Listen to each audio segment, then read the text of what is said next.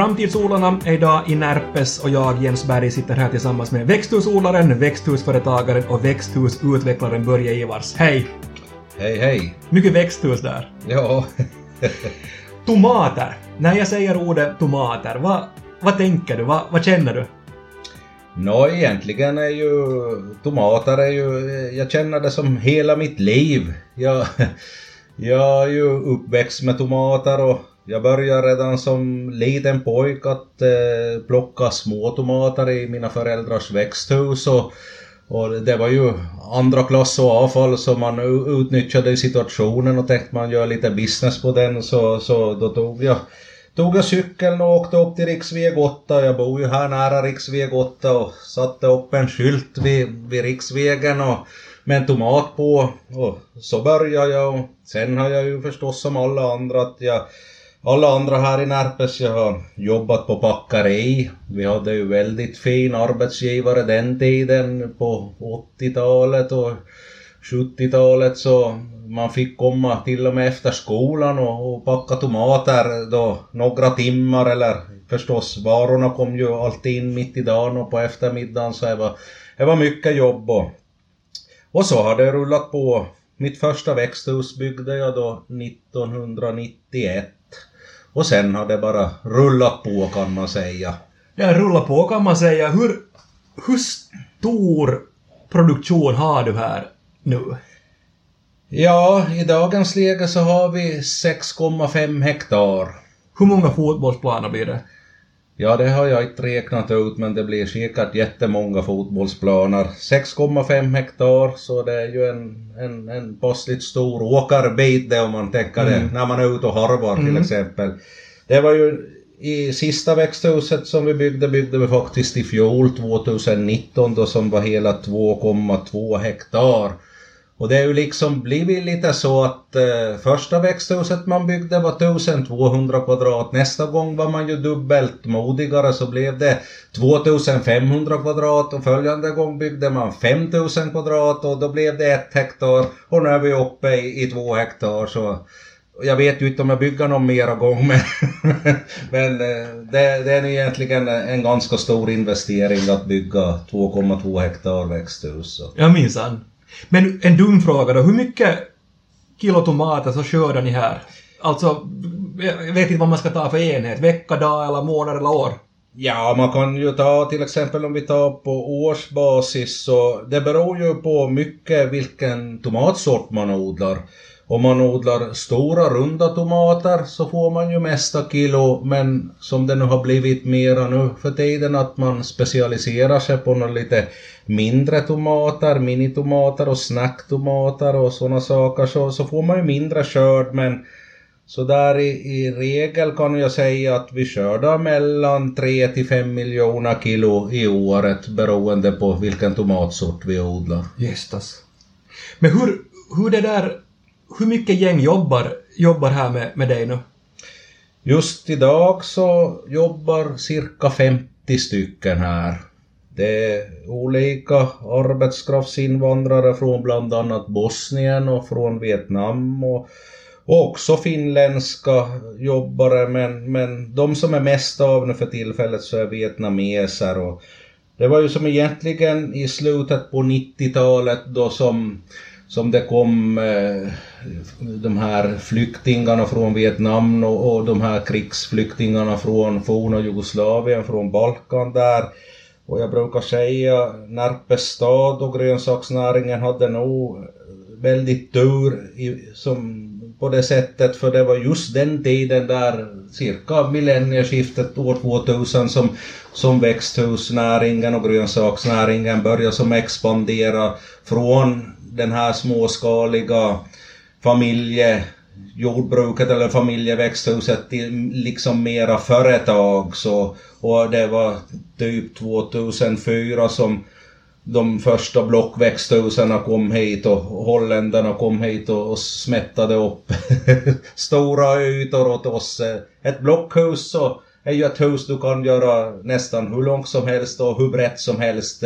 De gamla växthusen som vi kallar för sadeltags eller widespan Så de kan man ju bara göra typ eh, 20 meter breda. Man måste göra dem på längden då man vill ha många kvadratmeter. Men blockväxthus så får man större kvadratmeter på mindre tomt helt enkelt. Och nu har du fyra blockväxthus. Ja, det stämmer. Det är fyra blockväxthusen som jag har. Mm.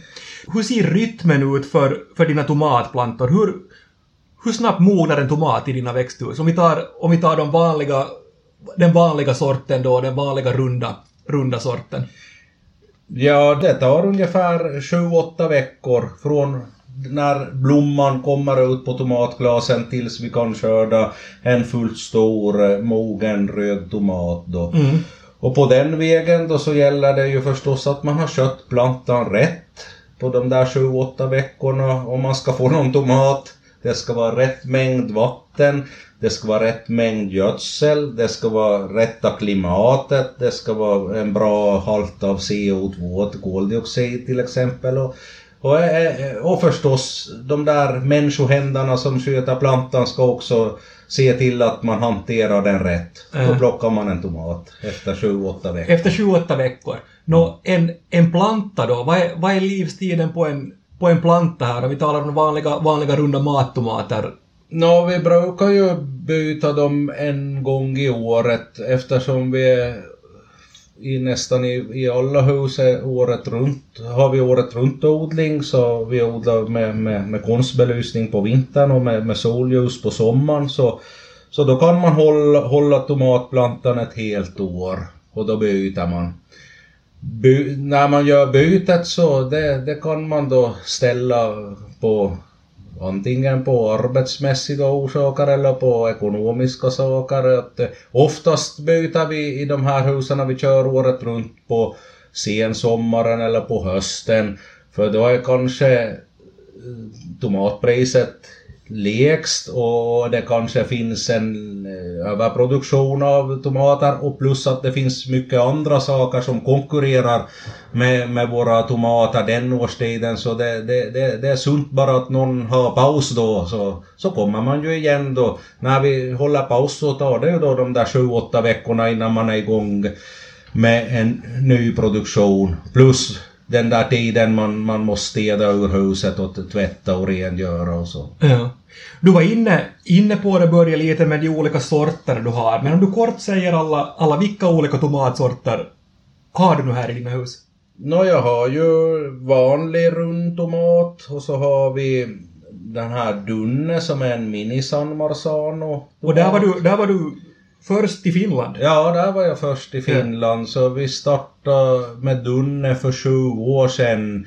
Och det var efter vi har gjort ett besök då i Danmark till en, en, en ganska stor dansk odlare som odlar faktiskt Dunne på flera hektar. Så vi sa det är ju väldigt märkligt det här att går det att sälja så där mycket Dunne Mini San Marzano i Danmark. Varför ska det inte gå att sälja till finländska konsumenter? Så, Ja så vi åkte dit, jag hade med min plantdrivare, han som gör småplantor, så vi var två man stark och, och vi var där och, och kollade och smakade och vi tyckte de var så goda så vi sa det här måste vi nog, måste vi nog testa. Så när vi flög hem då från Köpenhamn så, så sa vi det här är bara ett måste, vi måste testa. Men naturligtvis, vi satte ju inte in ett hektar utan vi startade med 1000 kvadratmeter då och sen blev det liksom när vi byggde växthus följande år 2000 och så 4000 och i dagens läge så odlar vi runt ett hektar med, med dunne.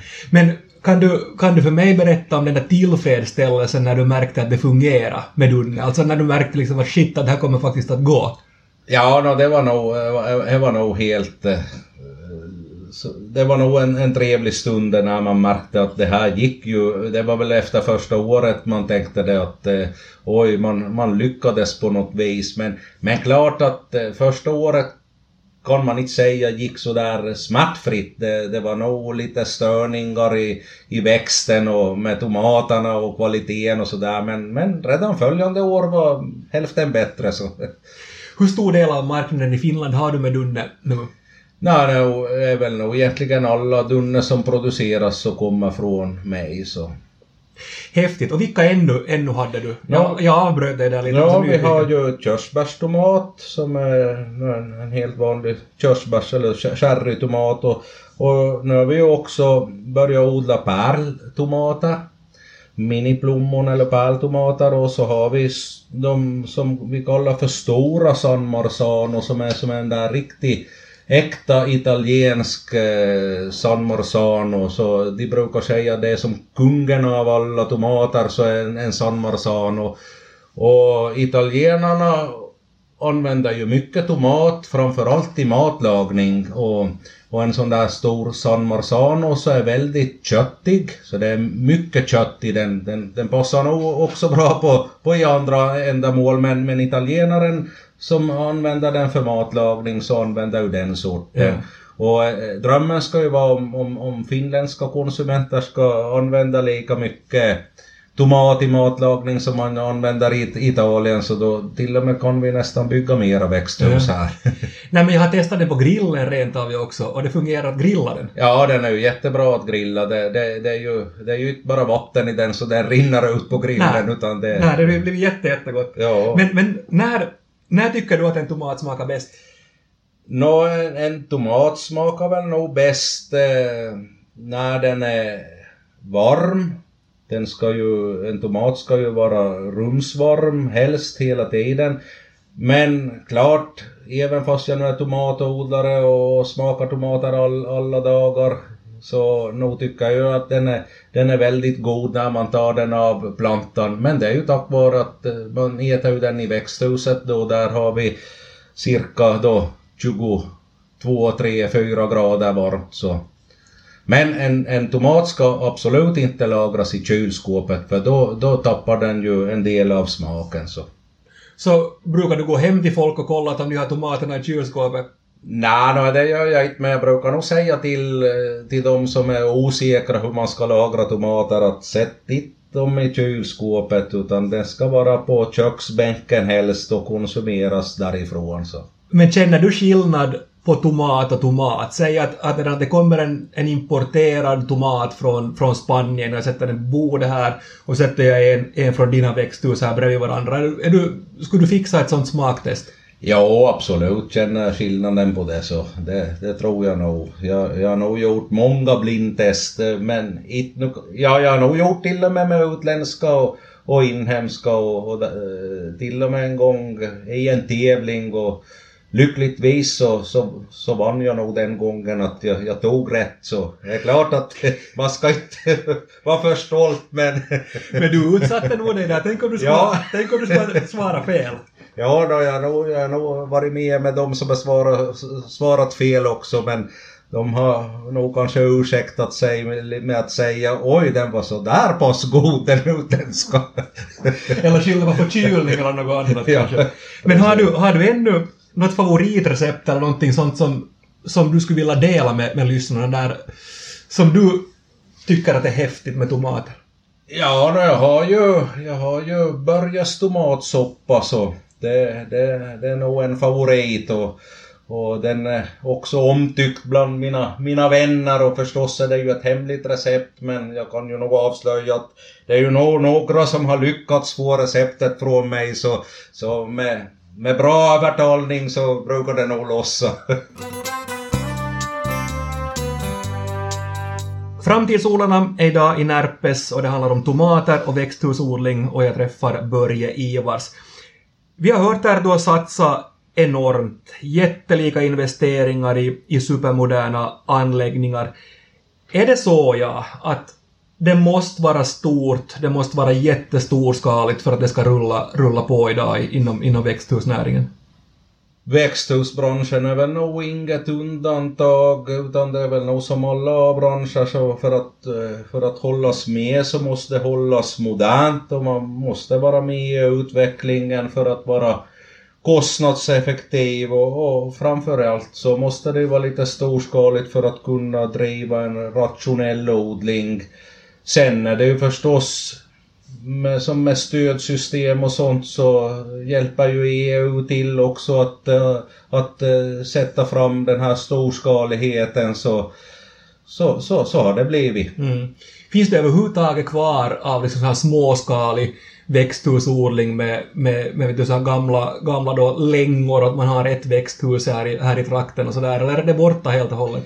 Nej, inte de ju borta, men det är klart att eh, gamla växthus och, och äldre odlare så försvinner ju vartefter. Dels för att odlarna kommer upp till åldersstrecket men det kan också vara växthusarna och att man inte har investerat eh, för att eh, vem investerar nu om man tänker gå i pension inom, inom en kort tid eller något sånt så men jag ska säga att eh, nog, nog finns det ett visst behov ännu för småskalig odling så exempelvis finns det ju att eh, man kan hitta några nischprodukter och specialisera sig på något speciellt som inte kräver stora arealer utan, utan man, man, man kan göra det i en, i en min, mindre sån här, mindre skala. Så. Tyvärr är det ju så, så att eh, den tiden när en liten odlare som kan vara med och tävla med de här stora bulkvarorna så den är ju nog tyvärr förbi för det går inte att, att ha en liten odling och odla bulkvaror så jag tänker då kanske mest på den vanliga runda tomaten och, och den vanliga gurkan. Så. Hur, hur har kostnads, eller ska vi säga intäktssidan sett ut för dig när det gäller producentpriser? Vi kan ta 2000, 2000-talet nu så är det runt och jämnt de senaste 20 åren. Har det, har det skett någon förändring där eller är det i princip så att att det som ni får per producerad kilo eller, eller ton så om vi tar de runda vanliga mm. tomaterna, har det varit samma ungefär eller? Ja, nog ska jag säga, det, det varierar ju. Vi, vi lever ju med marknadspris vi som är, som är grönsaksodlare så vi, vi får ju olika pris varje veckor men, men när man drar strecket när året är slut och det där så inte det är det så stora skillnader eh, utan eh, Kanske förstås att lite neråt har det nog gått de här senaste tiderna men, men då gäller det ju nog bara att man måste vara väldigt kostnadsmedveten och man måste satsa på, på sådana saker som, som, som ger tillbaks pengar och, och, och, och vi ska säga allt från uppvärmning och sånt som måste vara det, det, det billigaste alternativet man kan hitta och, och så en viktig sak så är ju det att man måste ju ha fokus på att eh, producera toppskörd hela tiden för det är ju skörden som ger pengarna så. Men, men hur, när du är inne på, på just den här kostnadsmedvetenheten och att, och att rationalisera och att, eh, och att utveckla den sidan också. Hur, hur ser det ut om vi, om vi börjar då just med, med uppvärmningen? Vad, vad har du alltid gjort, gjort där? Ja, no, uppvärmningen så sker ju med fast bränsle nu eller, eller om man ska nu säga med inhemsk eh, bränsle. Det, det, det kan vara skogsflis, det kan vara returträ som, som man använder, det kan också vara torv. Så, så där, där tycker jag ju att eh, växthusodlarna har ju verkligen gjort sitt, eh, sin hemläxa för jag vet nu bara inom mitt backeri, Närpes grönsaker då som jag levererar till så tror jag att vi har 95 procent av odlarna som använder inhemskt fosbränsle. Så det, där tycker jag att odlarna har gjort verkligen en bra. Så, så att, att värma upp med olja så, så är nog en svunnen, svunnen tid? Det är nog, hör nog till 70-talet och 80-talet då, och lite in på 90-talet men då kom nog brytningen som gick över till, till inhemska bränslen. Så. Ja. Och, och belysningen då, hur, hur ser den ut? Vad har du för, vad har du för lampor? Nå, vi har ju HPS eller högtrycksnatriumlampor men nu har vi ju flera växthus där vi har LED-belysningen som mellanbelysning och och det är ju intressant att eh, de här LED-lamporna så, så producerar ju nog bra, bra, man får bra med tomater och, och, och de är ju kanske bara halva förbrukningen av vad, vad en högtrycksnatriumlampa tar. Synd bara är ju att de är så väldigt dyra i inköp så det är den där eh, investeringen som blir så dyr men, men det blir väl som allt annat det och med med allt annat teknolo teknologiskt som vi använder oss av. Att det, det brukar nog priserna komma ner bara det blir mer aktörer på marknaden. Så. annars det där med, med, med teknologi och, och, och utveckling, hur, hur ser det ut? Hur, hur, hur mycket sådana intelligenta maskiner har ni när det gäller exempelvis sortering och packning och, och den typen av, av, av arbete?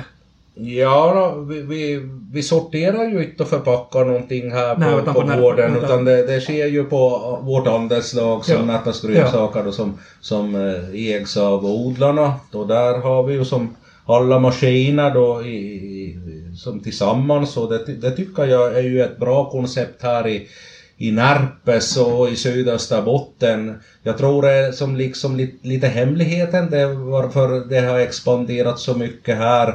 Att det är ett bakeri som tar hand om, om varorna, förpackar dem, marknadsför dem, eh, säljer dem och, och sköter logistiken ut i, ut till partihandlarna och ut i affärerna. Så, så då, då har ju vi odlare helt kunnat eh, som koncentrera oss på odlingen. Du vet, det ska nog ha varit något helt annorlunda om, om man först ska va- va- vattnat och odlat och plockat och sen ska man ha tagit paketbilen och åkt runt Finland och, och inte visst om man ska ha fått den tömt innan kvällen. Så. Men du har ju erfarenhet från när du var liten när du stod på riks 8 och sålde. Så. Ja, no, det, det, det, det har jag ju förstås men det var nog med olika resultat där. Och, Men hur ser, hur ser teknologin ut på, på, på packeriet då, på, på Närpes grönsaker? Hur, hur mycket manuellt är det idag och hur mycket är det, är det maskiner som sköter? Nå, jag ska säga på Närpes grönsaker så har det nog blivit mycket mera maskiner och robotar och saker och ting in, som, som har kommit till mera än vad vi har i växthus. I växthus har vi ju nog allting som med klimatet sköt med klimatdatorer och gödslingen sker med, sker med, med gödselblandare och, och det är mycket teknik nog i växthusen men det ska ännu vara nog de här människohänderna som, som ska både sköta plantorna och topparna och ta bort blad och, och plocka och, och, och, och, och sköta plantorna. Men däremot på packeriet så, så, så där, där har man till och med kunnat ersätta människor med, med robotar som till exempel sätta lådor på pallar. Man sätter i lådor som går automatiskt från band och där, är ju egentligen bara de som sorterar och ser till att eh, kvaliteten blir i skick som, som, som krävs en människohand. Men är det artificiell intelligens eller robotar som sorterar också och känner igen exempelvis färger eller, eller sådär på, på tomaterna? Ja, det är sj- själva tomatsorteringsmaskinen så, så är ju så automatiserad så den, den är ju både med färgsortering och med storlekssortering så, så man kan få en, en viss röd tomat och en med vissa gram i samma låda då så. Så den känner igen alltså färgen, alltså rödhetsgraden och så sätter den i samma låda den som har samma rödhetsgrad. Exakt så är Och det samma så. vikt. Samma vikt. Ganska så häftigt. Det är nog häftigt det så. så. Ja, men du är ju alltså du är ju styrelseordförande för Närpes grönsaker också. Och, och har bra koll, vet jag, på, på utvecklingen när det gäller växthusodling, också internationellt. Var i världen är man ledande? Är det, är det Närpes eller är det Holland? Du var inne på Danmark, eller vad, vad skulle du säga? Vi spelar ju nog som på olika planer.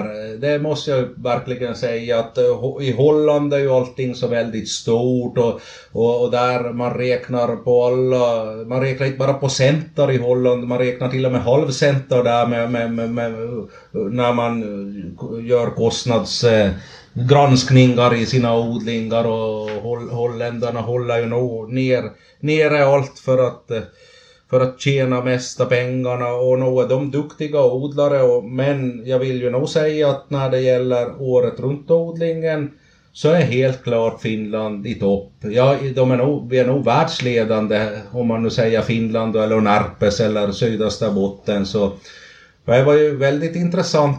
Tidigare åkte vi ju ganska mycket till, till Holland för att eh, förkovra oss in, in, inom växthus och, och där fick man ju se alla moderna, där de gjorde sortförsök med alla olika sorter och det var mycket maskiner och men sen vi började då år 2000 var det ju när vi började odla tomater året runt. Jag var ju också en bland de pionjärerna som, som var med och, och började med, med förstås småskaligt men det växte ur det. Och, så det tog nog inte länge så, så blev det som mitt mot att det, det, det var holländarna som kom hit och, och tittade vad gör de här Närpesborna som får sådär stora skördar och, och får sådär mycket tomater att växa. Fast eh, Finland är ju i totalt mörker när man kommer till december och januari till exempel. Så. Dagens framtidsodlare heter Börje Ivars, vi är i Närpes och vi har talat om tomater och vi har talat om utvecklingen av växthusnäringen. Och avslutningsvis så skulle jag vilja tala lite framtid med dig. Vad, vad tror du att kommer att påverka dig och växthusnäringen mest i framtiden?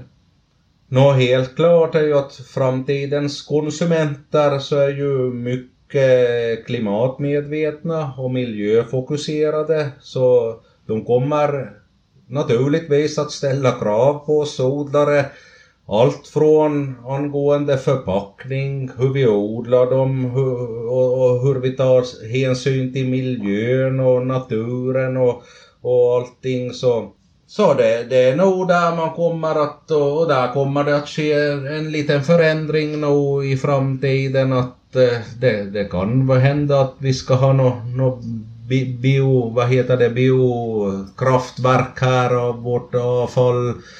Har man ett litet växthus så är inte avfallshanteringen och stor. Har man lite större hus så kommer det lite mer av växtrester och massor och men det, det passar nog bra som kompostmaterial men det ska investeras och det ska skötas på rätt sätt. Och, och just med, med förpackningar och sånt så det, det pratas mycket om det här med, med plast och plast är väl inte något problem utan problemet är väl det med det, de, som, de som köper förpackningen att det är många som inte riktigt känner till att eh, de flesta plasterna vi använder så är ju återvinningsbara så det gäller bara att kunna sortera rätt så inte får man skylla allting på odlaren och på packeriet heller. Så.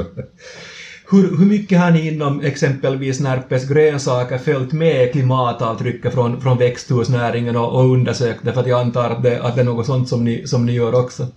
Jag kanske sa det lite tidigare att eh, 95 procent så, så använder biobränsle eller, eller, eller fastbränsle av eh, odlarna till Närpes grönsaker och, och vi har ju en tydlig fokus på förpackningsmaterial återvinning till exempel. Vi, vi har startat samarbete med en som tar hand om vårt avfall och andra klass som heter Jävla såsbolag. Intressant namn. De har väldigt fina produkter måste jag säga. Har du hittat på namnet? Nej, det är inte jag som har hittat på namnet. Det är en, en, en företagare i Lappenranta eller varifrån han kommer. Så, så, så, så no, nu, nu, nu försöker vi och nu, nu till exempel här riktigt nyligt så har ju så grönsaker fått ett sånt här miljöledningscertifikat, en sån här ISO 14001.